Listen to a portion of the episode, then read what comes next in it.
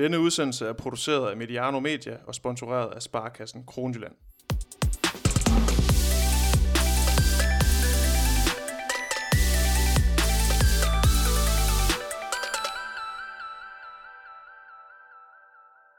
Velkommen til Mediano håndbold, der på denne helligdag ikke selv er for heldige til at trække i arbejdstøjet den næste times tid.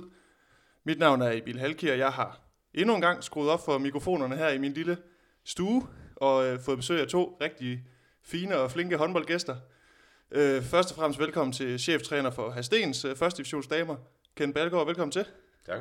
Du er morgenfrisk efter en morgentræning, kunne jeg forstå. Ja, sindssygt. Jeg har været op mange timer nu. Også øh, velkommen til håndboldspiller i Ribe Esbjerg, og inkarneret håndboldnørd, må vi nok hellere få sagt. Rasmus Bøjsen, velkommen til. Tak for det. Du er også øh, frisk efter en lang øh, køretur. ja, meget. Øh, Kent, I har tre kampe tilbage af sæsonen, så vidt jeg husker, Ja. øh, ligger nummer 5, har reelt ikke sådan det, det helt store spil for. Hvad kommer de næste tre uger til at gå med for jer? Jo, men det, det handler om at få tanket tre sejre. Øh, det er meget simpelt, som jeg sagt pigerne om. Det kan godt være, at vi ikke kan nå noget i, i tabellen, men øhm, man spiller for at få nogle øh, sejre, og der er nogen, der skal videre til nye klubber og nye udfordringer og sådan noget. Så man skal slutte ordentligt af og vise, at man har substansen til at spille på det her niveau, uanset om der umiddelbart ikke er noget at spille for. Så, så det er det, vi kan øh, koncentrere os om. Og Rasmus, du var en tur på din øh, gamle hjemmebane i går. Tønder halv to, helvede i syd. Øh, og tog frem med to point, men også øh, uden en, en slutspilsplads, som jo var det, I havde, øh, havde håbet på. Var det svært at falde til ro, da du kom sent øh, hjem i går nat? Nej, det gik hurtigt. Fik lidt på øl, og så, øh, så sov man altid godt, synes jeg. Men øh, det var selvfølgelig, selvfølgelig ærgerligt, men øh, vi var jo godt klar over, hvordan landet lå. Øh, ja, og så blev det, som det blev. Øh, det vigtigste for os var at få en sejr og levere en professionel indsats i, i Tønder, og, og det fik vi gjort. Og så var det selvfølgelig ærgerligt, at, at de andre resultater ikke flaskede sig. Okay. Men fedt, som sagt, at de begge to havde, havde tid og lyst til at kigge forbi. Det er vi, det er vi rigtig glade for fra Mediano håndbolds side. Og jeg synes egentlig bare, at vi skal kaste os ud i det. Vi har et, øh, jeg plejer at sige en pose blandet bold, så det er vist tilfældet igen i dag. Vi har lige et efterslæb fra i mandags, øh, og øh, specielt i lørdags, hvor, hvor kvindelandsholdet jo kvalificerer sig til, til EM i Frankrig senere på året. Og så har vi øh, den her sidste spillerunde fra i går aftes i Herreligaen, som var, var meget spændende. Jeg sad selv øh, klistret til, til flere skærme, øh, og vi kigger lidt frem mod slut- og nedrykningsspil. Og så, øh, ja, så startede vi en eller anden diskussion på Twitter i, i mandags, Boys. Du bød også ind øh, omkring det bedste indkøb gennem tiden. Og jeg ved også, Kent, at du har været i, i gemmerne og finde nogle øh, interessante navne frem. Så, så det vender vi også, og så har jeg faktisk til allersidst lavet, ja, måske, jeg vil kalde det verdens korteste håndboldquiz, så må vi se, øh, hvor kort den bliver. øhm, men inden vi går videre, så er det vigtigt lige at få sagt, at øh, det her øh, podcast er lavet i samarbejde med, med Sparkassen Kronjylland, og det er egentlig med deres støtte, at vi kan lave det her nye øh, håndboldmedie. I kan finde os inde på Facebook, Twitter, eller på din øh, podcast-app under Mediano Håndbold. Og få lige trykket abonner, så ved jeg i hvert fald, at Jacob han bliver rigtig, rigtig glad. Han sidder selv og, skriver til folk, at de skal huske at trykke abonner. Øh, men Gen, vi starter lidt i din boldgade med, med den her EM-kvalifikation fra i weekenden. Øh, de vinder den her 21-20 sejr over Tjekkiet. Det bliver lidt mere spændende til sidst, end man havde regnet med. Øh, men, men holdet er ligesom klar med, eller klar til slutrunden efter fire sejre i, i fire kampe. Hvad betyder det for, for det danske kvindelandshold, at man booker billetterne allerede nu? Jamen, det, det er da en kæmpe fordel. Nu, der, nu har Claus og Lars Jørgensen, de har arbejdsro øh, i en god lang periode, og kan koncentrere sig 100% om det mesterskab, der er i december måned. Øhm, og, og så handler det i den grad om at få, få tunet sig ind på, hvad det er, man vil, øh, og fundet noget koncept og noget idé med, hvilken vej og retning det er, man skal. Altså nu har man jo holdt meget fast i de her ting i, i Claus Bruns tid, øhm, og jeg savner, at man måske får kigget øh, lidt andre veje, øh, frem for det, han har gjort hidtil. Øh, fordi altså, fire sejre, jo, det var heller ikke den farligste og mest skræmmende pulje. Øh, nu var i arenaen og se mod Tjekkiet. Øh, det er jo ikke et godt mandskab. Øh, men ja, det var da en sejr, og sejr er vigtig, og det var to point. Men vi er også som danskere, som tilskuere, som håndboldelskere, vant til at blive forkælet. Og vi blev ikke forkælet. Øh, og det kan vi egentlig ikke være tilfredse med. Rasmus, øh, perioder med arbejdsro, det er ikke øh, det, man har mest af i, i håndboldverdenen.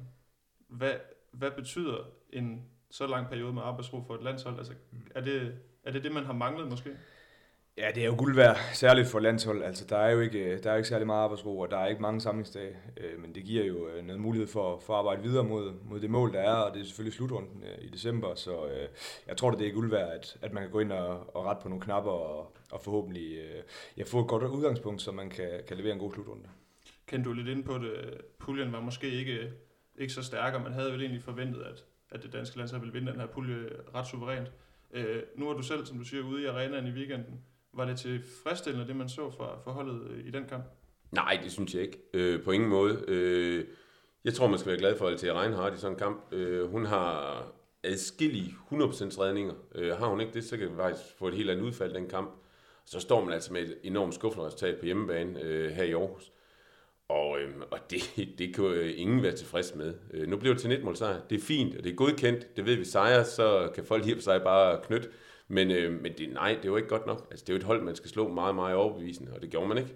Øh, så nej. Der var, øh, der var rigtig stor skuffelse efter, efter slutrunden i december måned med det her, øh, øh hvad hedder det, exit, kvartfinale exit.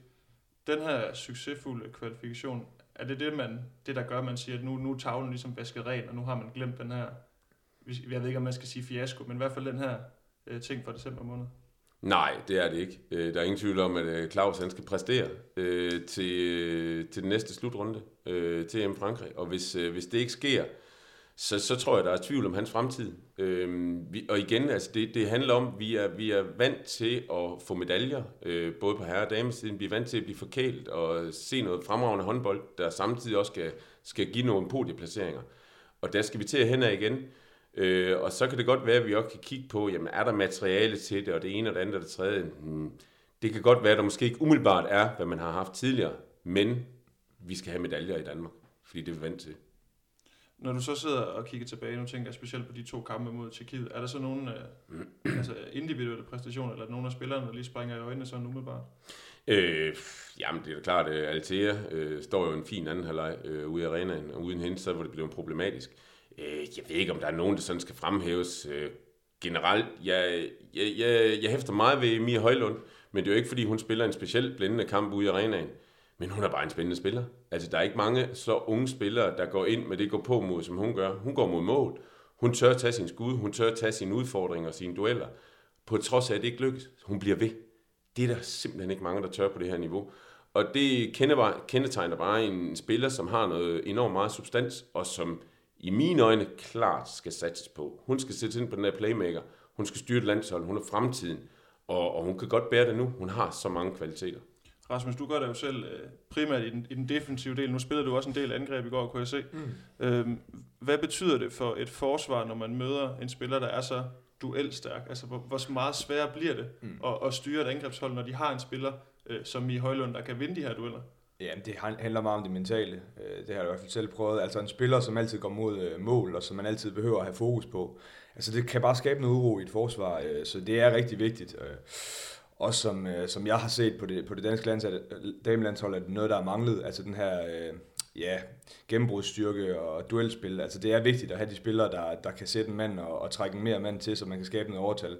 Øhm, så det er ufatteligt svært for et forsvar, hvis, hvis det er, man, man har en spiller, som man ikke kan styre, en spiller, som man øh, ikke kan vinde sin mand-mand-duel mod, fordi så, så kræver det opbakninger, og så, så bliver det overtal, så, øh, så det er helt sikkert en udfordring, hvis man har en spiller, som man ikke kan styre er det sådan, det er at spille sammen med sådan en som Jakob Holm, kunne jeg forestille mig. Han er jo også en, der han søger i hvert fald rigtig meget de her dueller, og, og vinder dem også ofte. Jeg kunne forestille mig, at han er også øh, en hver forsvarsspillers mareridt. Du står jo tit, ofte over for ham i, i løbet af sådan en træningsuge. Ja, Jamen ja, altså nu lige med Jakob, så synes jeg jo, det er fantastisk at, at træne med sådan, med sådan en spiller, fordi det udvikler. Øh, og det kræver rigtig meget øh, at dække ham op. Øh, så det er jo selvfølgelig også noget, der rykker vores forsvar. Øh, men ja, jeg er da også glad for, at øh, når vi spiller kamp, at, at jeg ikke skal stå for ham, fordi det er også en spiller, som bare bliver ved med at komme på. Altså, øh, og han taber aldrig mod. Øh, så, så ja.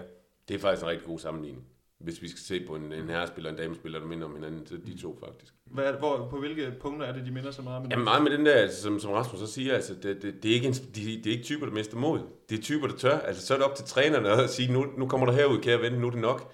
Altså, de bliver ved, de går på mål, de tager deres skud, de spiller med noget risiko selvfølgelig, øh, men de har noget x-faktor, de har det ekstra den her.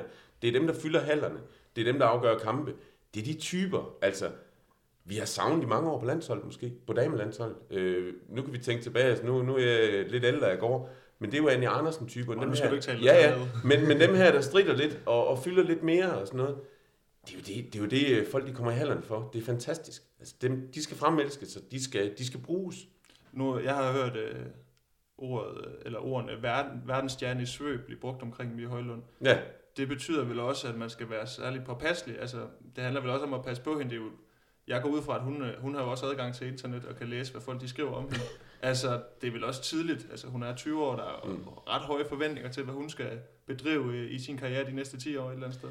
Jo, men altså en, en pige, der allerede har sagt, der er meldt afbud to gange til, til en slutrunde, hun, hun virker som om, hun er rimelig, øh, hun hviler rimelig meget i sig selv, og har styr på, hvad hun skal og ikke skal. Så det, det tror jeg, hun har, hun har sig selv, og hun har nogle mennesker omkring sig, som, som er fint i balance i det. Øh, og så selvfølgelig også landstræners opgave at sørge for at, at køre hende rigtigt ind. Men hun virker helt klar. Og så går hun rundt ned ved Pytlik i dagligdagen.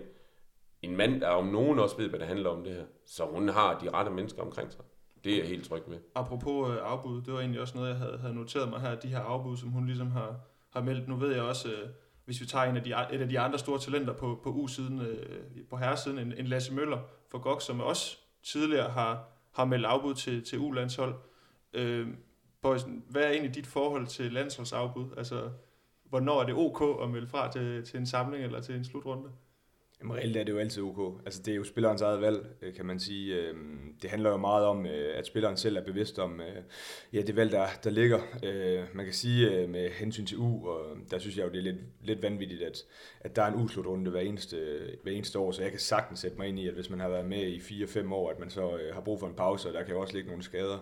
Øh, men selvfølgelig, det, det handler om at være bevidst om, om sin valg, og det kan jo også øh, bide en øh, senere, øh, hvis, øh, hvis man tager de valg her. Men, øh, men jeg synes, der er, hvis der er den mindste tvivl med hensyn til skader, særligt hvis man øh, er ung, at øh, så skal man tænke sig om, og så måske lige tage et afbud, fordi der er jo også masser af slutrunder i håndboldsporten, må man sige, så øh, må det ikke man nok skal nå det.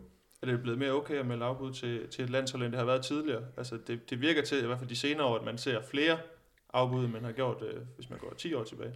Jeg må jo sige, det Eller så husker jeg måske bare forkert, det kan godt ske. Nej, det tror jeg ikke, du gør, fordi jeg tror, det er en naturlig udvikling. Altså, problemet er jo den her vanvittige øh, kalender, vi har i håndboldsporten. Øh, så det er jo bare en naturlig udvikling, at, at folk, øh, ja, som er presset, øh, måske med alder, måske med, med, med skader, at, at de vælger at melde afbud øh, til landshold. Det er selvfølgelig hammerende ærgerligt, øh, og det er en udvikling, som ikke stopper, før der bliver styr på det her kampeprogram, som vi har. Øh, fordi så til sidst der ender det med sådan noget øh, ishockey-tilstand, hvor, øh, hvor de bedste de simpelthen ikke øh, er med, fordi de tjener deres penge i, øh, i klubberne. Og, men det vil være rigtig ærgerligt, fordi jeg synes jo, det er, det er noget af det, der er allerfedest ved håndboldsporten, det er, når de her slutrunder, de kører, øh, fordi at det skaber så meget hype, som det gør. Så, så jeg håber, at den udvikling bliver stoppet på et tidspunkt. Og nu var Mie Højlund så heldigvis med øh, til de her, de her kvalkampe. Øh, og vi, vi har også, altså når man kigger tilbage, Claus Brun har været, været landstræner i tre år nu øh, kendt. Og nu sad og så den kamp der, jeg skal lige have en tus ud af halsen her, mm. når du sad og så den kamp der i lørdag, så sådan en tanke på det, på at da Claus han spillede, var han jo meget den her offensiv, offensiv omdrejningspunkt, både i GOG og også øh, i AG København i, i en periode, ikke? Mm. Altså, det offensive spil på, på damelandshold lige nu, hvordan synes du det øh, svinger? Jamen, jeg synes ikke, det svinger specielt godt, øh, og jeg savner da også, øh, at Claus øh, sætter et større præg på, på det der. Nu har han kørt meget øh, fast med, med Stine Jørgensen som playmaker, og, og Tranborg har stået meget på, på højre bak, og, og nu er det så en Mette Hansen, der er tilbage på venstre bak position og sådan noget. Det, det, er, det er meget stift, der, der er for lidt fart i det, der er for lidt bevægelse. Claus' metier, det var, det var krydsspil, det var iscenesættelse, det var at skabe overtal, altså som, som håndbold lige helt basalt handler om jeg savner at få en playmaker ind. Jeg savner en Mia Højlund. Jeg kunne egentlig også savne en mulighed faktisk. Altså nogen, nogen spilstyre, nogen der kommer ind, der har noget af det her x-faktor. Nogen der kan se nogle muligheder i spillet og få bragt de her ganske, ganske fine skytter i scene. Noget som Claus selv var garant for i sin tid. Øhm, det savner jeg. Det gør, at vi får bredt, noget mere bredde på. Vi kan iscenesætte vores drejespil, og vi kan iscenesætte vores fløje. Noget vi gerne vil. Øhm, det, det ser jeg slet ikke. Jeg synes, det er meget, meget stift. Vi, vi vinder ingen dueller. Vi, vi går ikke nok på mål. Øhm, men er der en overvægt af, af skytter på det hold lige nu, som du ser det, eller hvad er det, der Der er mange skytter, men uden vi egentlig kommer til noget for de skytter, fordi de kan ikke bringe sig nok i scene. De er ikke gode nok, synes jeg, til at bringe hinanden i scene. De er ikke gode nok til at vinde noget rum, vinde nogle dueller, og få skabt de her overtalssituationer og få nogle gunstige muligheder. Nu så man også en, en Anne Mette Hansen, som jo har været ude med en knæskade, som var tilbage igen i landsholdsregi. Øh, hvad, hvad, hvad synes du med hende? Altså, nu har hun haft et, et rigtig hårdt år altså med skader, og altså, havde hun været savnet, eller, og hvad bragte hun egentlig altså, i, i de her kampe? Hun, hun har et stykke vej, det er klart. Hun har været ude i lang tid, øh, og har ikke øh, spillet kontinuerligt igennem en hel sæson. Øh, hun arbejde for et år siden. Hun skal nok komme. Hun er dygtig. Hun har noget af det her. Hun, hun, kan, hun kan vinde nogle dueller og så videre, og har noget fysik og noget power og sådan noget. Øh, hende skal vi nok få glæde af på den lange bane, men altså, der, der, der står flere i kø på den der venstre bakke, og øh, altså, der har Claus mere eller mindre et luksusproblem at finde ud af, hvem er det, jeg skal satse på. Fordi Stine Jørgensen i min optik bør rykkes derud. Hun skal ikke spille den playmaker. Det synes der er mange andre dygtige, der kan gøre. Rasmus, øh, ja, du, du sidder og markerer. Ja, fordi jeg synes også, det er rigtigt, det Kent han nævner her med fart. Det synes jeg, det er rigtig øh, ja, i øjnefaldende, at, at mange af de hold, som lykkes rigtig godt øh, på kvindesiden øh, med landshold, de, de har fart, øh, og de skaber fart. Øh, jamen både, både Norge, Frankrig, øh, vel egentlig også øh, Holland og, og Sverige, som, som leverede en god slutrunde senest. Altså, jeg synes, de har noget mere fart end Danmark, og det savner jeg lidt, øh, at vi øh, får bragt ind i vores spil, fordi det er så vigtigt at, øh, at man kan skabe noget fart, og man kan skabe noget, noget overtal ved at, ved at komme i fart og, og sætte sin mand. Så, så det synes jeg også, øh, Kent har ret i, at, øh, at det er noget, man, man måske kan arbejde videre med. Og nu ved jeg, Rasmus, du har jo fulgt øh, med i, i hånd, intensivt med i håndbold, specielt i Herlinger de sidste mange år også tilbage til dengang, hvor, hvor Claus selv var spiller, men også mm. var, var træner op i, i Teamsvis Holstebro, som det jo mm. hed dengang. Nu hedder det så TTH Holstebro, det skal vi ikke øh, kludre i. Øh, men hvad var det for en type håndbold, han gerne ville praktisere dengang? Jo, men hvis vi snakker om den offensive del, så var det jo, øh, så var det jo også med noget fart. Altså man havde jo en, øh, en Jonas Larholm, som, som kunne komme med noget eksplosivitet og, og sætte, en, uh, sætte en mand. Men ja, der er jo også noget, noget krydsspil. Jeg synes, da de leverede allerbedst, uh, ja, TTH Holstebro, som det hedder nu, siger du, øh, de, da de leverede allerbedst, der var det det her krydsspil, som, øh, som han øh, havde sat i scene. Og så er det jo klart, så er der også nogle defensive ting, hvor han, hvor han som, som herretræner rigtig gerne vil øh, frem og tage duellerne, og ja, skabe rigtig mange frikast. Øh, ja. men, men det her øh, med, at han gerne vil have forsvar til at frem og, og vinde de her dueller højt op i banen, er det, er det noget, han har, har fået implementeret på, på, på kvindesiden, altså med landsholdet, eller er det et sted, hvor han stadigvæk handler, eller har han måttet gå på kompromis og sige, det er måske ikke muligt at implementere lige præcis det her type forsvar, eller hvad tænker du, kan? Ja, det var mange det, spørgsmål på ja, ja, men det, ja, men jeg kan godt føle, at han er, det er klart, at Claus er gået på kompromis. Øh, det, det, han tænkte, øh, han skulle gøre i starten, det har han lige så stille må trække til sig. Øh, fordi kvinder kan du ikke, du kan ikke lade dem komme så langt frem i banen. Altså, de, de har ikke den samme fysik og de samme hurtige ben og sådan noget, som, som herrespillere har. Det, det, det er lidt andre vilkår, du har med at gøre og du har nogle lidt tungere typer. Øh, Claus, altså, der var nogenlunde succes til slutrunden i, øh, i tilbage i december, hvor, hvor man lykkedes i nogle kampe med at stå lidt længere frem, og det kan du også sagt. I bund og grund, så synes jeg, det handler om, når, når vi er op, vi snakker landsholdsniveau, vi snakker liganiveau, eller hvad, hvad slags håndbold vi snakker på højere plan, så skal du komme stille dig i forhold til, hvem det er, du møder. Om du skal stå frem i banen, du skal stå defensivt, eller hvad du skal, jamen det må du tage fra kamp til kamp, ud fra hvem man møder. Altså vi kan tage kvartfinalen, man tager til Sverige der er man jo enormt taktisk ringe stille. Altså, så kommer der lige pludselig en svensk øh, ind fra FCK eller fra København håndbold, og tager alle på, øh, på halen. Altså, det kan jo ikke passe. Øh, der savner jeg godt nok, men lidt lidt taktisk skarpe ting. Om ikke andet, så er det godt være, at hun overrasker på angreb, men så får man så omstillet og er klar på det. Øh, der savner noget, noget mere taktisk begavelse, og vi er skarpere på sådan nogle ting simpelthen. Men altså i forhold til det defensive udgangspunkt, der har man jo også fået en, en mand ind i, en, som vi også har haft besøg af i Emiliano håndbold, en Lars Jørgensen Rasmus. Han er vel også om nogen øh, manden, der måske kan knække den her forsvarskode, skulle man vel tro. Det kan man håbe, øh, i hvert fald. Øh, men det tager jo også tid. Altså, forsvar tager tid, og, og som vi snakkede om indledningsvis, så, øh, så er det måske ikke tid, man har mest af, men det kan jo så komme nu, hvor man så har øh, noget mere tid til at, til at gå i dybden med de ting her, men jo, jeg håber da, at øh, Lars Jørgensen er jo kæmpe kapacitet, så må ikke han kan, kan rykke noget der, det håber jeg da. Og tid er det også blevet til at hoppe videre til, til næste emne på, på dagsordenen, fordi øh, jeg sad øh, klister til tv-skærmen i går, det ved jeg, at du ikke gjorde, Rasmus, fordi du var selv i aktion. øh, jeg havde gang i en to-tre skærme øh, i bedste Rasmus Bøjsen stil, ved jeg. øhm, og øh, Rasmus, jeg kunne godt tænke mig at, at ligesom starte ud med den her øh, aften, I havde, fordi mm. øh, I var jo nede i Tønder, og øh, da I står, I, I vinder, I kommer jo suverænt godt fra start, mm. og, og kommer også hurtigt foran. Øh, er det 6-0 eller ja, noget af den tur? Ja. De virker lidt kyst, de, dine tidligere holdkammerater. Mm. Øh, men da I så står nede i Tønder og har vundet den her kamp med 10 mål, altså mm. hvor lang tid går der derfra til I kender jeres øh, skæbne i det videre forløb?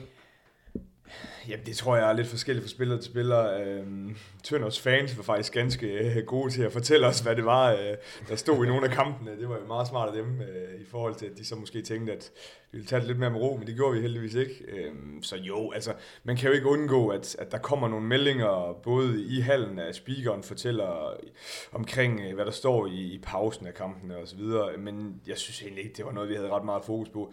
Altså, vi vidste jo, at vi skulle vinde, øh, vi kunne ikke gøre så meget ved det, og så selvfølgelig, da vi kom ud af omklædningsrummet, så øh, fik vi lige smidt vores smartphones op og, og kigget på, hvad der stod i, eller hvad, hvad de forskellige kampe endte med, og så kunne vi selvfølgelig se, at, at det ikke var i år, vi skulle i slutspillet. Øh, men øh, ja, det var ikke sådan noget, vi kunne gøre så meget ved, men selvfølgelig var vi skuffede. Øh, og det var en mærkelig fornemmelse. Det er altid en mærkelig fornemmelse, øh, når man sådan ikke selv kan afgøre tingene, men man egentlig har fået gjort sit job, og, og det så alligevel, øh, alligevel ikke går, så er det jo sådan lidt en død fornemmelse. Øh, så ja, det, det var en mærkelig aften i går også, øh, også på grund af, at det var så mærkeligt en, en skæbne for Tønder, og hallen var sådan helt... Øh, jeg har jo spillet Tønder selv, at jeg har aldrig oplevet hallen så stille som, øh, som ved, ved slutfløjt, så, så det var lidt en speciel oplevelse. Det er måske første gang, der har været så stille i, øh, i Tønder Hal 2, mens du har været der. Det tror jeg. Kendt øh, det her med, at man havde øh, den her samtidssending med alle kampe fra den sidste runde. Altså, jeg synes, det var virkelig, virkelig fedt, og der mm. var jo mange ting i spil.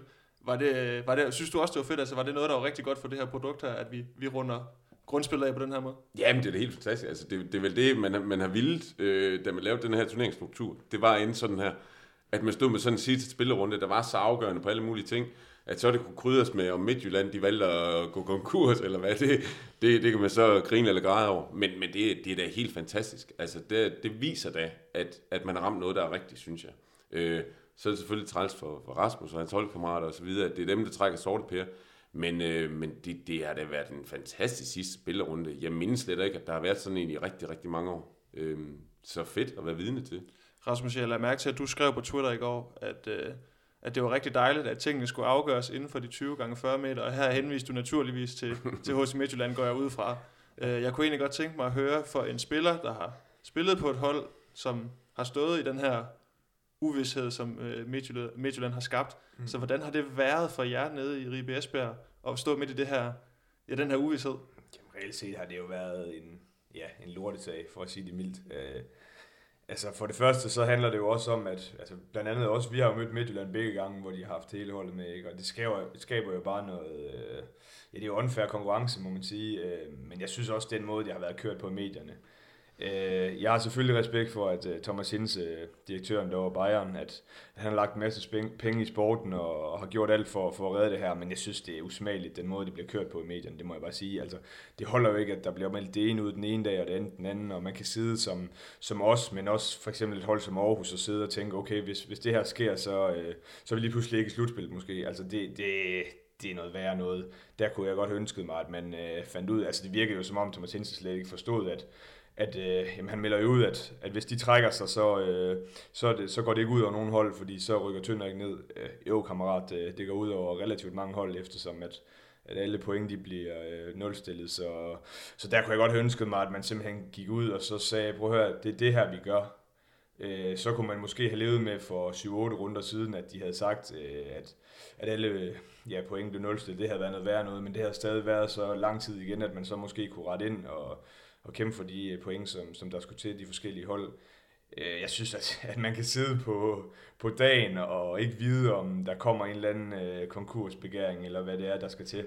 Det synes jeg simpelthen, det er ikke i orden over for spillet, alle spillets parter. Jeg, jeg forstår slet ikke, at, at man ikke melder noget ud noget før. Jeg kan sagtens se, at det er virkelig ærgerligt, at, at Tønder rykker ned. Øh, fordi at de jo selvfølgelig er mere konkurrencedygtige end hos Midtjylland på nuværende tidspunkt, og vil have større chance for, for at klare sig i nedrykningsspil, og vi vil selvfølgelig gerne have, at de bedste hold de er i den bedste række, ikke? Øhm, men det, det, det sker jo bare ikke, fordi at, at de, jeg, synes, jeg synes heldigvis, at de ikke, øh, at de ikke trækker sig, øh, fordi det simpelthen har for meget, øh, det har for afgørende betydning på nuværende tidspunkt, hvis de havde gjort det.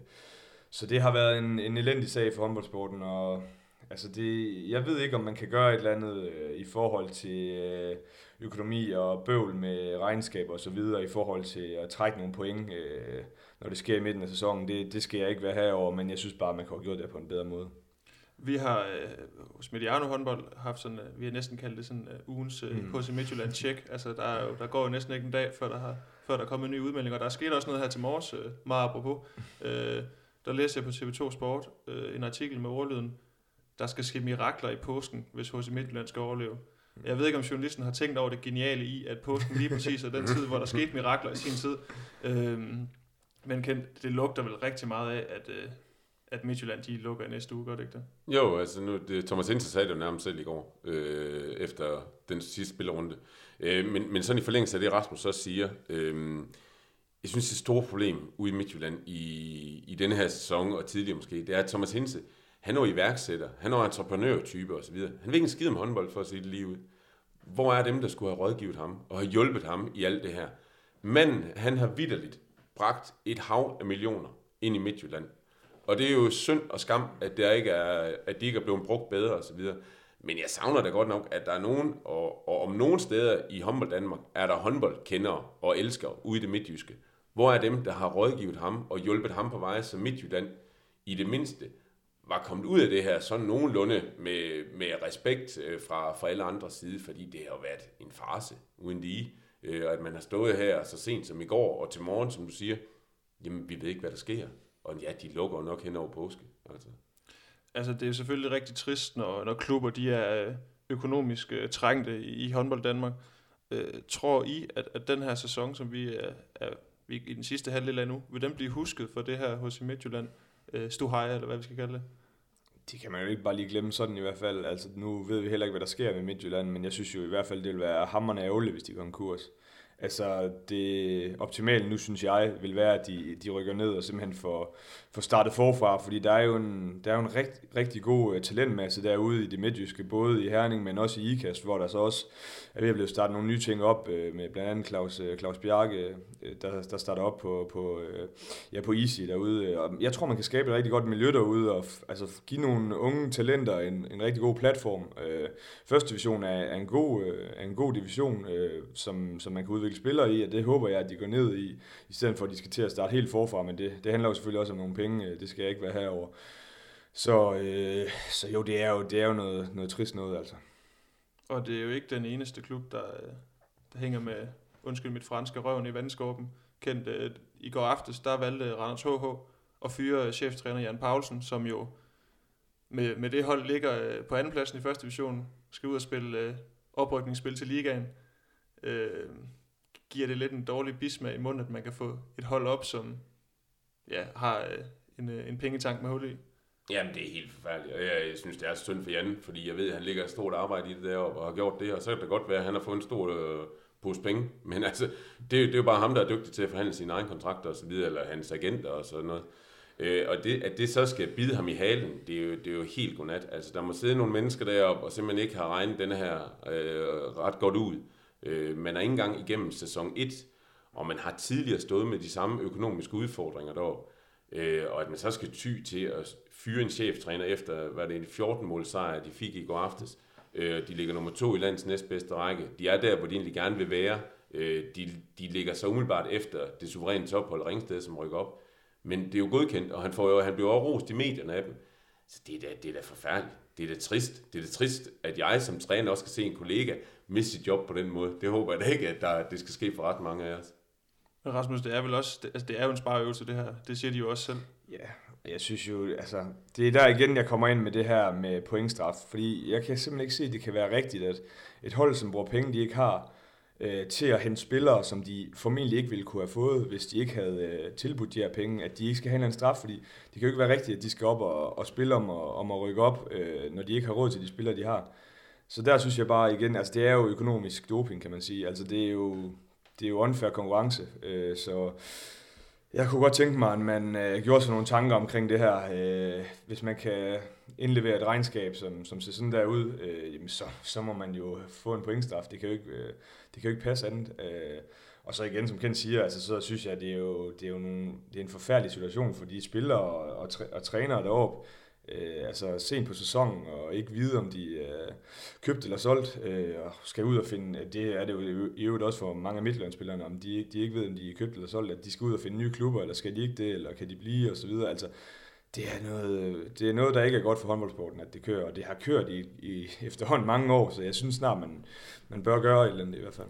Jeg er kendt, fordi det er jo langt fra første gang, man ser klubber i økonomisk uføre. Altså, der er jo også den her, hvad kalder man det, sorte liste hos DHF, den her øh, for klubber, der ikke har, må skrive kontrakter på grund af, at de ikke har indlevet et, et gyldigt regnskab. Altså, er det, kunne en pointstraf, kunne det være en mulighed? Altså, kunne det være et sted, man skulle, man skulle kigge hen og, og lave nogle restriktioner i den her retning måske? Jamen, det er klart, som Rasmus siger også, at der, der, skal, der skal nogle sanktioner til, øh, for ellers fortsætter det jo bare. Altså, nu er det ikke fordi, vi skal hænge klubber ud, men altså KF, de er vel kendt for at, at, at have nogle udfordringer i ny og næ dernede, og slippe afsted med det konstant.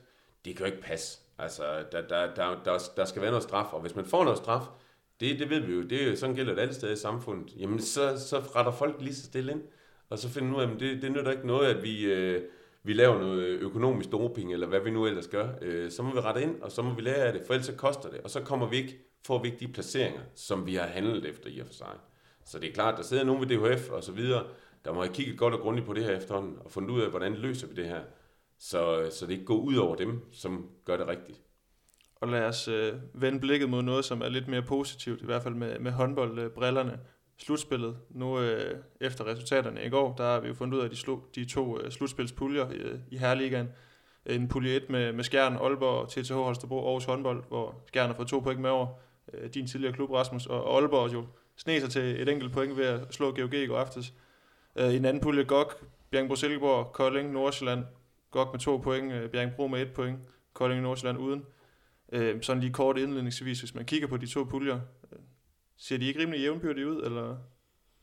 Jeg vil sige, øh, puljen med, øh, med skærn, øh, ja, Aalborg og TTH Holstebro og Aarhus, den ser lidt stærkere ud, og det var jo lidt paradoxalt, at, at, at skærn øh, ender på førstepladsen og, og får formentlig øh, med al sandsynlighed for Champions League øh, ud af det, men de får altså også den sværeste pulje, som jeg ser det i hvert fald.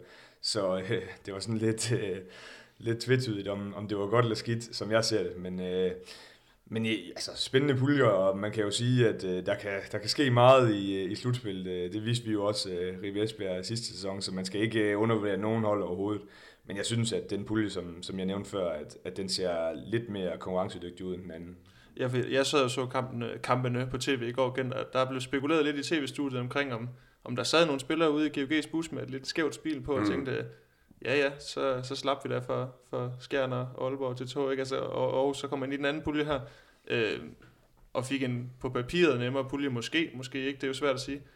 Kan der være noget om det? Altså... Nej, jeg ved ikke. Jeg synes, Krighav har argumenteret meget godt for det efterfølgende. Han er også en meget rolig, øh, rolig type.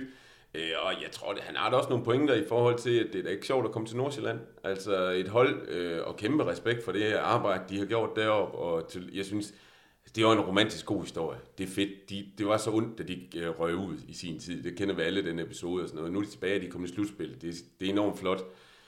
Og de har vinger deroppe. Altså, det bliver ikke sjovt at komme til Nordsjælland og spille. Øh, så de kan godt snyde nogen. Jeg tror mere på, at Nordsjælland kan snyde nogen, end Aarhus de kommer til at snyde nogen. Fordi de har spillet tamt. Altså, jeg har været i arenaen flere gange i den her sæson og set dem. De er tamme. Jeg synes simpelthen ikke, de spiller godt i år. At nogle gange det her at være formået og at få dem til at hente nogle point hist og pist, det er svært ved at se lige i øjeblikket. Og de bliver jo rundt på bæret ude i Bjergenbro i går. Så ja. ja. Fordi altså nu, nu nævner du selv den her Aarhus uh, Bjergenbro kamp, ikke? Altså, der har været ganske naturligt været meget snak omkring Skjern og GOG på grund af deres uh, fremmars i toppen, kan vi vist godt kalde det. Lige bag dem, der ligger Bjergenbro Silkeborg. De vandt i går deres 10. ligasejr i træk, da de pelsede Aarhusianerne i Silkeborg. Er det i virkeligheden dem, der er ligaens mest formstærke hold lige nu, Rasmus? Det er et godt spørgsmål. Altså, det, det, siger, øh, det siger øh, din statistik jo der, men der har også været lidt Europa, hvor det ikke har, har kørt helt på skinner. Øh, BSV har et fremragende hold, synes jo i det hele taget. Altså, de har et hierarki, som, som der bare er fuldstændig styr på, og, og det gør dem stærke. Så det, der er mange hold, der, der kan blive rigtig farlige i slutspillet. Jeg ser ikke, for mig ser jeg da ikke den helt store favorit. Jeg synes ikke, der er nogen, der stikker for alvor ud, fordi jeg synes, øh, der er nok fem hold, som, hvor man siger, at deres topniveau, det, det er meget tæt på hinanden, som jeg ser det.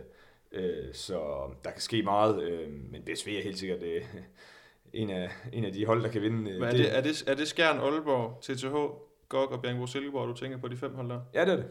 det, er det.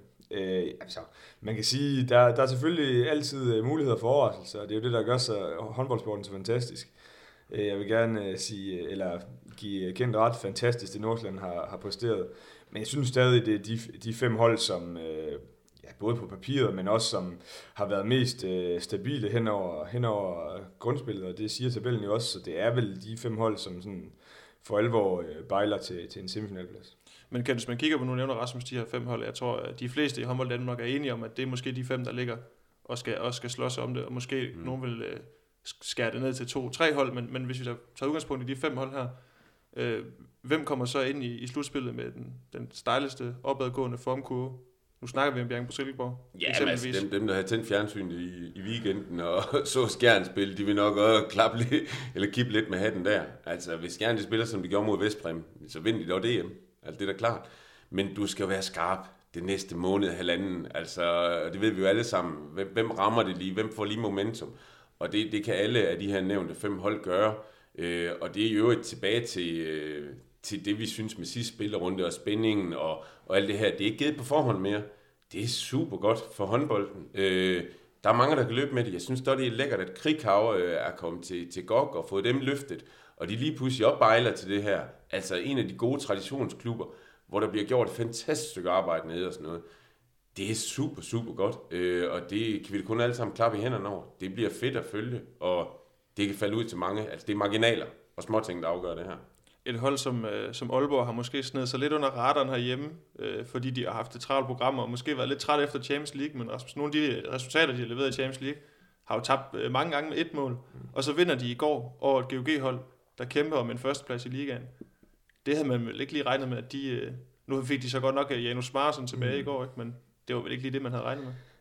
Nej, jeg havde faktisk også regnet med godt, de ville gøre, gøre det der færdigt. Øh, jeg synes, øh, Aalborg, de har, øh, de har måske faktisk haft godt af, at, at Smartersen har været lidt væk, fordi at øh, der er blevet plads til en spiller som øh, Tobias Ellebæk, som har været fuldstændig forrygende. Altså, vi mødte dem selv på hjemmebane, hvor han leger med os, for at sige det mildt. Altså, han er en, han er en meget atypisk øh, dansk spiller, synes jeg, fordi han har den her acceleration, og han er meget, meget atletisk. Øh, så jeg synes, han er en fantastisk spiller, som, øh, som har noget af det her x-faktor, som, som kan være med til at, at bære dem langt. Øh, og så får, du, får de jo, som du, som du rigtig siger, Smarterson tilbage, som, er, som også er en fantastisk spiller, og som jeg i, i hovedsageligt faktisk i Champions League øh, var rigtig imponeret af øh, i den her sæson. Så, øh, så Aalborg er også en af de hold, det er jo det, jeg siger, der, der er fem hold. Og jeg synes, Aalborg, som også har en stærk hjemmebane, øh, det er også et farligt hold et af de hold, som man jo ikke snakker om som favorit til det her, det er jo, det er jo Nordsjælland.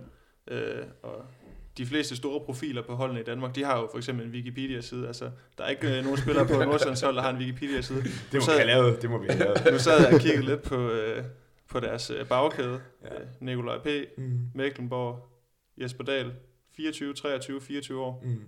på et slutspilshold. Ja.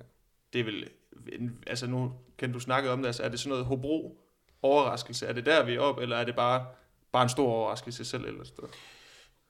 Ja, men altså, vi, vi, kan også, vi kan også kigge på, at der måske er andre, der ikke har, har præsteret det, de skulle, og så, så, og så har det givet Nordsjælland... lidt over til Rasmus. Ja, ja, og det, det har så givet Nordsjælland chancen. Og så, så tror jeg også bare, altså det, det er jo klart det her med, de, de har fået vinger der og blive stille, ikke? og haft en enorm tro på det. De har en god hjemmebane. Øh, der er nogle spillere, der lige stille er vokset i det. Ikke? Jan Marco har knoklet for det her projekt igennem flere sæsoner. Der er en samhørighed i det, øh, og en sund og god opbakning derop.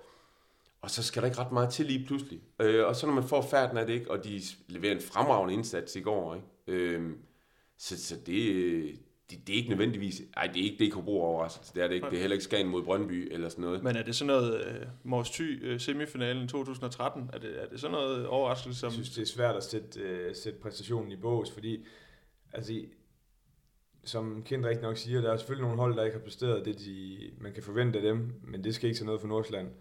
De, øh, altså, det viser også lidt om, hvor mange øh, gode danske talenter der er i, øh, i Danmark. Altså man kan sige, Jesper Dahl, der var ikke plads til ham i Skjern, Mecklenborg ikke for alvor plads til ham i øh, Tvis Holstebro, og, og Nikolaj P. har også været øh, i Aalborg uden øh, den store succes. Øh, så kommer de øh, ud i, øh, i et miljø, hvor, hvor de, er, de er stjernerne, kan man sige, og, og det har gjort, at, at de har præsteret rigtig, rigtig godt. Øhm, og det er jo bare vigtigt også, at der er nogle, øh, nogle klubber derude, som kan tage de her spillere ind og, og give dem et fantastisk træningsmiljø, i hvert fald som jeg hører det, og øhm, ja, også en masse spilletid, og det har jo bare båret frugt, må man sige.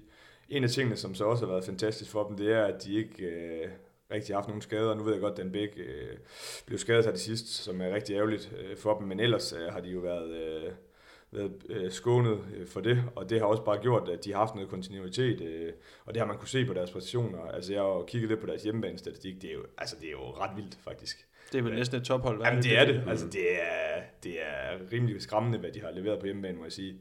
Og det er jo også Så har det de der- altid haft det dog, faktisk. Mm. Altså tilbage til Helsinge-tiden, da øh, Lars Krog spillede der og sådan noget. Altså i, i Hønsehuset, tror jeg, de kaldte det dengang. De vandt kampe. Mm. Der var aldrig nogen, der vandt de steder. Mm. Og så apropos det der, Rasmus så siger, det er også noget til de unge talenter, det her med. De valg, de gør i forhold til de klubber, de tager til. Lad nu være med at tage ud og for at blive nummer 13, 14, 15 eller 16 på et hold. Vælg nu at komme ud nogle steder, hvor der er noget spilletid. Det er det, der, det er det, der løfter de her talenter. Det er altså at få noget spilletid. Man skal ikke sidde på bænken i ligaen. Kan man komme hen et sted, hvor der er noget spilletid, jamen så er Nordsjælland et godt eksempel på, så vokser man med opgaven. Og det gælder både på damer og herresiden. Der er for mange, der træffer de forkerte valg. Øh, og det er nogle vigtige valg, der skal træffes. Øh, og man kan selvfølgelig ikke træffe de rigtige altid. Men, men det er vigtigt. Find spilletiden. Og der er vel især en spiller på, øh, på Nordsjællands, Nordsjællands holdkort, som har vist, hvad det kan betyde, hvis man får spilletiden, en Johan Meklenborg, som jo Mm. mm. har... Det var ikke mange, der havde regnet. Altså, man vidste godt, at han var en dygtig håndboldspiller, at han var et, et talent, men at han brænder sådan en sæson af, Rasmus. Altså, han har jo høvlet mål ind. Ja, det har han. Det, det er fantastisk at se. Altså, øh, der er også, som vi snakkede om øh, med Højlund og, og hvad hedder han, øh, Jakob Holm, at øh, der, er noget, øh, der er noget mod, der er noget gå på mod. Øh, der er bare en tro på tingene, og det er der faktisk for alle deres spillere. Altså, de har bare ramt hinanden, og, og det kører også bare. Så synes jeg også, det er værd at nævne, at de måske, nu snakker vi rigtig gode signinger senere øh, i programmet her, men, men den signing, de laver med Aku øh, lige inden sæsonstart, det er også genialt set fordi det, det skaber bare noget mere bredt i deres bagkæde, og han kan spille alle tre pladser i, i bagkæden, så, så det synes jeg, det var, det var rigtig godt set af dem at, at hente ham ind, fordi han jo kom lidt i overskud øh, hos os i Ribe Esbjerg, og han er, han er også en spiller, som har flyttet meget, synes jeg, øh, så, så det var også godt set. Nu er det ikke fordi, vi skal sidde her og gnide salt i såret, Rasmus, men der er jo også noget, der foregår øh, under 8. pladsen, det her Mm. nedrykningsspil, som I jo er, er blevet en del af. Øh, når du sådan kigger på det, altså, I ligger der side om side med Mors Thy med to point med Mm. over, Skanderborg, Sønderjyske med et point, og så Midtjylland med 0 point. Øh, det er vel fire hold, der kæmper om en check på 75.000, er det ikke det? Jo, og nu snakker du jo selv om, øh, at vi ved ikke, hvad der kan ske med Midtjylland, så det kan jo blive noget ret ligegyldigt noget, hvis de lige pludselig trækker sig, så er der måske slet ikke noget at, at spille om i forhold til, til nedrykning. Jeg har stor respekt for, at der har siddet nogle klubber øh, og har taget en beslutning om, at, øh, at der skal være et nedrykningsspil. Øh, Det kan jeg sagtens leve med, og det er godt med en masse kampe.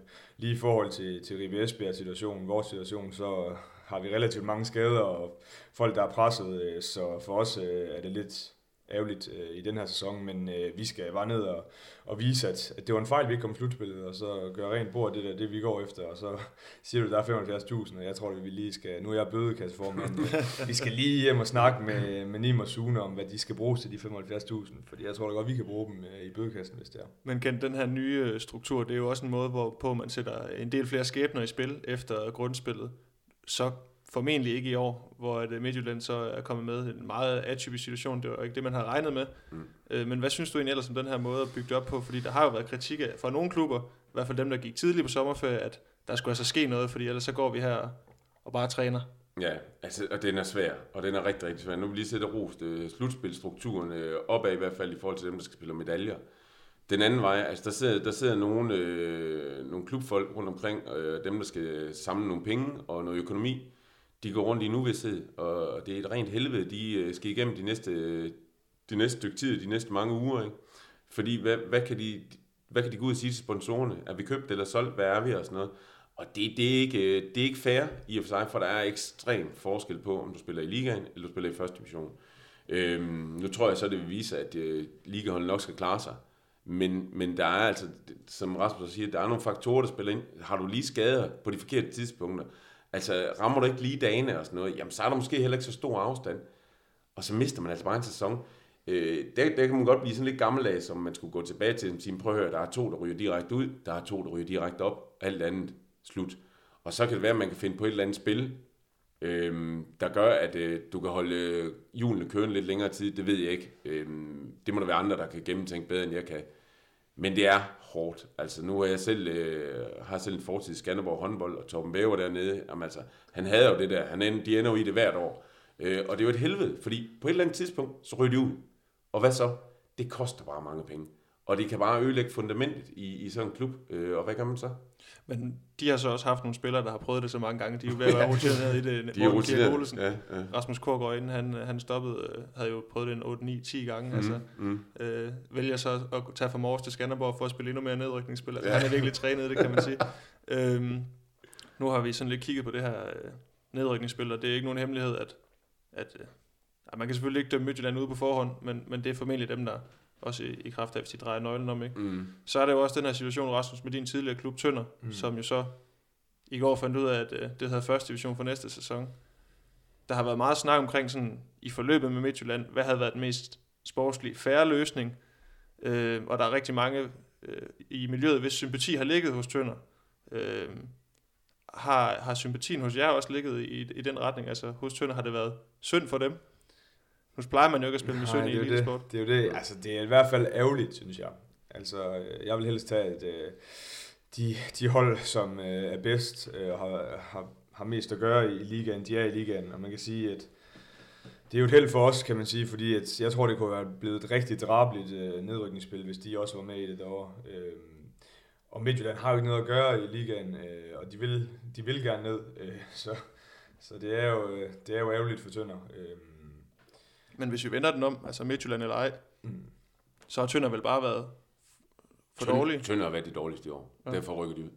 Øh, og, og skal man kigge på det, altså vi, vi kan snakke om Midtjylland herfra, og så til, ja, der kommer en eller anden Vi har allerede konklusion på snakket det. om den ja. 20-25 minutter Ja, lige ikke? præcis. Altså. Ikke? Øhm, Tønder har været de dårligste, og, og de ryger ud, og det er det, der, der rammer færrest klubber. Øhm, havde Thomas Hintze valgt at trække stikket derovre, og ikke øh, bekære dem konkurs, så er det gået ud over mange, mange flere. Øh, og jeg har snakket med Veje et par gange, og han var absolut ikke begejstret over det, han havde meldt ud derinde, fordi det vidste han jo godt, hvad det havde konsekvenser inde i Aarhus. Det betød, at de skulle ud og spille nedspil, i stedet for slutspil. Der er altså en gigantisk forskel. Altså der snakker vi, det, det er jo mange, mange millioner. Hvad nu, hvis øh, Aarhus lige pludselig får de forkerte skader, ender med at ryge ud? Jamen prøv at se en konsekvens, det kunne have haft. Så Tønder, de har ikke fået nok point i år. De må en tur ned. Øh, det er synd og skam. Øh, de har en fantastisk hjemmebane og alle mulige ting. Men det er sådan, der. Og det er nok det, det allerbedste, hvis man skal sige det sådan. Og det er også et hold, der skal til at bygge en, en, en ny øh, grundstamme op. Der er jo mange spillere, der, Mm. der skifter til næste år. Der er et par stykker, der hopper til Fredericia, en anden ambitionsrig første divisionsklub. Så, så der bliver masser at se til for, for Tønder, og man kan sige alt muligt held og lykke til dem i hvert fald fremadrettet. Det har været et fedt bekendtskab. Øh, det ved jeg også, du synes ret. Du har selvfølgelig spillet, der er lidt farvet af det, men, men jeg tror også, at de fleste i håndbold Danmark har synes, at, at den her Tønder halv 2, det har skulle været, det skulle være lidt interessant at følge med i, hvad der foregik dernede. Er vi enige om det? Helt klart. sikkert. Så, øhm, jamen, Rasmus, nu bruger jeg, jeg bruger rigtig mange timer inde på Twitter. Jeg ved, du bruger øh, måske 10 gange så mange øh, timer. Øh, jeg ved ikke rigtig, hvordan du har fået overbevist din kæreste om, at det er helt i orden. Der må du lige lære mig nogle tricks. Hun er ikke altid enig i det. Fordi jeg har i hvert fald en her, her på adressen, som nogle gange synes, jeg er lidt for meget på Twitter. Øhm, så så jeg, at du har lavet sådan et grundspillets All-Star-hold. Ja. Og du, altså, som, som regel, når man smider noget ud på Twitter, så får man jo noget røg og noget... Mm. Der var nogen, der var enige. Hvor var Peter Lund henne? Var der nogen, der skrev som forsvarsspiller? Det tror jeg også engang, vi har diskuteret på Twitter. Mm. Øh, det er bare sådan lige kort, nu kigger jeg ned over det, så sådan venstre fløj, Lasse Ut. Mm. Den må du altså lige forklare mig. Det vil jeg gerne. Øhm, Jeg synes helt seriøst, at La- Lasse Uth er en klassespiller. Øhm, I begge ender af banen. Øh, Jeg har godt lide fløjspillere, som, øh, som dækker rigtig godt op, og han kan også dække en tor. Øhm, Og så synes jeg, han har været afslutningssikker. Det viser statistikken også. Øhm, så Han er bare en spiller, man kan stole på. Altså, han kan, han kan bruges til det hele, så jeg synes, han har også en stor øh, ære af, af Nordsjællands øh, slutspil. Det skal man slet ikke undervurdere. Så, øh, altså, der er også der er rigtig mange andre gode venstrefløje. Øh, altså, jeg plejer at sige, at alle kan jo være venstrefløj. Så, men, øh, men, øh, men nej, der er jo altså, selvfølgelig øh, Eggert springer også i øjnene, men han har selvfølgelig også været lidt skadet. Og, men han er jo også fantastisk. Jeg synes så bare, at Uda er bedre defensivt. Øh, og så er der jo også Bramming og, og så videre. Nu, nu skal jeg ikke nævne alle sammen, så glemmer jeg sikkert bare nogen. Men, øh, Det lyder næsten som dengang Lars Jørgensen skulle sætte sit all-time hold med den, han har nej, men jeg, jeg holder på ud, øh, selvom øh, måske jeg har fået lidt røg. Men Ken, for lige at indvilde dig i det hold, som Rasmus han har sat. Han har sat uh, målvogter Ole Ervik ud på venstrefløj, uh, Jørgen Johannesen fra GOG på venstre bak, Bo Spillerberg som playmaker, Øres på højre bak, René Rasmussen højre fløj, Bjarte Myrhold på stregen, og så Stenbækken uh, som forsvarsspiller. Der er mange skjernspillere, er der ikke det? Eller, Der skal, jeg har altid fået at vide, at der skal syv til mange, så jeg tror ikke, der var, der var ikke syv. Mm, Okay. Jo, men jeg synes, at det lyder meget fornuftigt. Jeg, altså nu, nu, nu øh, gjorde de det også i studiet i går i forlængelse af de her øh, kampe i sidste runde og sådan noget. Og jeg, jeg kan egentlig godt lide det der, altså, hvor Ben Nygaard, han hænger meget i nogle af de der, det, det er Anders Sækker, og de der typer, der skal fremvælges, hvor Claus Møller, han er med på dig med Lasse Ud og sådan noget. Det er da fint at få nogle nye navne op på de her tavler her, i stedet for at man skal hænge fast i de gamle altid og få, få noget, noget andet ind. Øh, og igen, Nordsjælland, de er med i slutspillet. Der må være nogle spillere, der har præsteret der. Og så kan jeg da godt lide på Spillerberg. Det kan da godt være, der har været en kedelig sag med ham, og han har brokket sig lidt for meget. Men prøv lige at høre.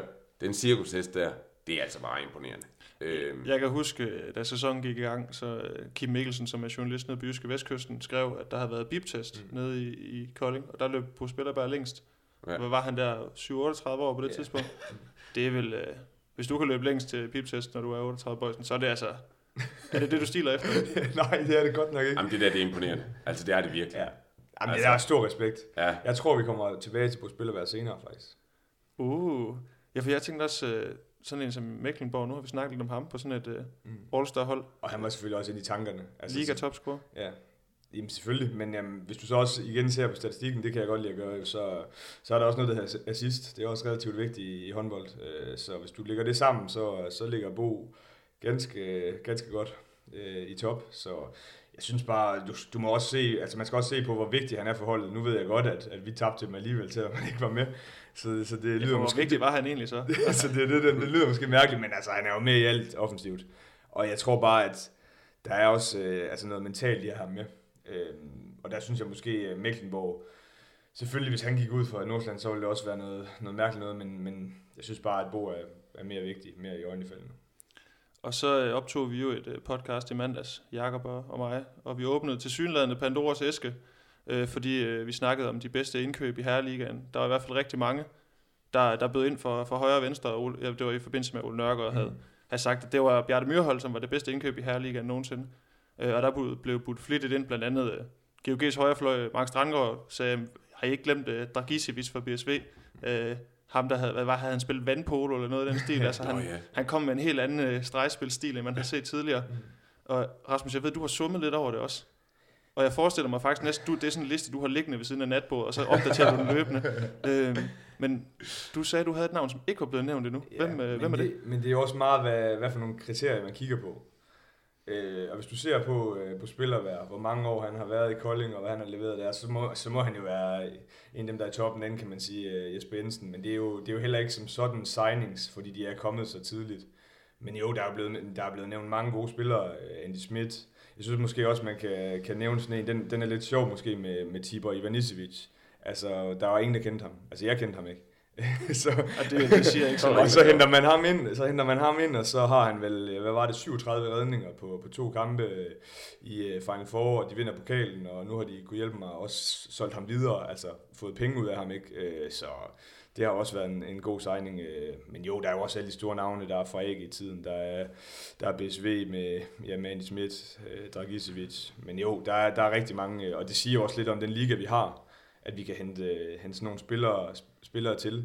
Øh, Jeg synes jo også, de seneste par år, der har været rigtig mange dygtige spillere, der er kommet tilbage. Og, så jo, der er rigtig mange at tage, tage, tage, tage og det er jo bare sjovt sådan en snak omkring Jamen det spillere. er, ne- altså nu bød jeg selv ind i går, jeg gik i arkiverne på, på Aarhus Stiftstidende, for jeg kunne nemlig huske, at der var en islandsk øh, stregspiller, der kom til Aarhus i 2002 Mhm, med, ja. Ja. med håndboldskoene i hånden. Jamen, Robert, det var en god historie, Ja, faktisk. apropos var han vist først i Silkeborg og fik at vide, det, det tror jeg ikke lige, du skal regne med. Så trænede han vist med, med. AGF, eller Han var kan- også. Ja, men det var så det. Ja. Han, han kom nemlig ind i statenhallen, altså det var meget bogstaveligt, øh, om, om det var med, med sine sko i hånden her, som han kunne få lov til at træne med. Han havde vist planer om, at han skulle være til Nordsjælland, men han var ikke helt klar over afstanden i Danmark og sådan noget. Altså det var en helt syg historie, og så ender han ud med at lave hvad, over 200 mål eller sådan noget. Han var afstand... Jeg spillede selv sammen med Robert på det tidspunkt faktisk, det var jeg så heldig. Jeg har aldrig set en mand score på så meget. Han scorede på alt. Det var helt, helt sindssygt. Ja. Øhm, jamen, helt fantastisk og super fed. Øh, altså, de, der, de kan noget, de islændinge der, ikke? Altså, han vil vinde, som jeg ved ikke hvad. Altså, det var, det var en fornøjelse at være sammen med det, og, og jeg tror, det er noget af det samme, Bjarte har i skærne, ikke? Altså, de her typer til træning, dem, der bare driver værket hele tiden i alle mulige øh, hensener, de er fantastiske for et hold, og de, de skaber bare noget kultur, der er enormt godt. Øh, og det gjorde Robert også dengang. Øh, den her snak om de bedste signings på herresiden, den, den er der mange meninger om, men, men kan, hvis vi kigger på damesiden, er det så en særlig svær diskussion, hvem der Nej. er den bedste signing nogensinde? Nej, for nu spurgte du mig, eller nu, nu gav du mig sådan lige øh, et hint til det. Altså, Bojana Popovic, altså det, det giver sig selv. Hun vandt alt. Hun, hun skabte noget, som øh, ingen andre har gjort. Øh, både i Slagelse og Viborg og så videre. Øh, så hun er klart i netter, og der, der tror jeg ikke, der er konkurrence på det. Øh, men alligevel så har jeg også tænkt, øh, fordi så var der, også, der var også været en Grit Jurak og sådan noget, og man kommer til at sådan tænke udlændinge. Nu, nu når Rasmus sidder og snakker om, så er der jo mange danskere, man egentlig kunne nævne. Men, men Grit Jurak øh, var også helt afstanding i sin Viborg-tid. Der var også en af de mest sjove, det er måske hende, Natalia Derugina, stregspiller, som måske var en af de første udlændinge i dansk øh, kvindehåndbold. Havde en lang karriere i Viborg. Øh, hun, hun gjorde også et stort indtryk. Øh, men ja, Bojana... Gro, Hammersing har jo også, øh, tænker jeg også, Jo, men altså Bojana, hun, altså, hun, hun bragte øh, Champions League titler hjem. Det var, det, var, det var toppen af poppen, det der. Altså, hun sprængte og lømmerammer og alle mulige ting og sager. Øh, og det er en svunden tid. Altså, det er jo også, vi, vi, er jo, vi er jo over 10 år tilbage, eller 10 år tilbage, eller sådan noget. Øh, og det, det kan jo ikke sammenlignes mere, øh, på kvindesiden i hvert fald, øh, hvad der var dengang. Og så er vi ved at nå til, til sidste element i dag, noget jeg har valgt at kalde verdens korteste håndboldquiz. Øh, og jeg synes egentlig bare, at vi skal starte med, der er et spørgsmål. Hvilket dansk hold vandt i sæsonen 2015-16 den danske herreliga? Ja, jeg ved godt, hvor du vil hen nu. Jeg nu, hvis du lige kan tage lytterne igennem, hvad der sker nu, så tager jeg lige høretelefonerne af, så kan du lige fortælle øh, dem, der lytter med, og også kende, hvad det er, der foregår nu. Det, der foregår nu, det er sikkert, at jeg skal have en BSV-trøje på, fordi vi havde en... Øh, jeg tror faktisk også, det var på Twitter. Vi havde jo en, øh, en, god, en god gammel... Øh, ja, hvad var det? Et vedmål øh, om, at øh, hvis BSV vandt inden for, var det to år? Ja. Så skulle jeg have en BSV-trøje på. Og der, øh, Og der det, er det, det er jo heldigt, at jeg har jo rigtig mange kontakter i håndbold Danmark, og der skal lyde en stor tak til Nikolaj Schødt, som spiller i Stoholm nu. En Bjergbro-dreng, som øh, kunne udlåne mig to trøjer. Den første, det er en, øh, en Rasmus Lauke-trøje. Og så har vi sådan lidt vintage, en vintage-sag her. Det er faktisk en Mads Øres trøje. En af de gamle, dengang de spillede i Hummel. Overnemt. Så jeg tænker, nu, øh, nu synes jeg, at vi skal runde af for i dag, og så kan vi lige øh, tage den her også to boysen bagefter. Men øh, det var i hvert fald fedt, at I to havde, havde tid og lyst til at være med. Det har været super hyggeligt, og øh, berigende også for lytterne, håber jeg. Øhm, til jer, der har lyttet med, husk lige Mediano Håndbold, Facebook, Twitter, øh, podcast-appen SoundCloud. Abonner, like, øh, del, spred budskabet. Øh, og så tak til Sparkassen Kroneland, som øh, er partner på det her foretagende. Og så, øh, ja, tak for i dag. Vi lyttes videre ud.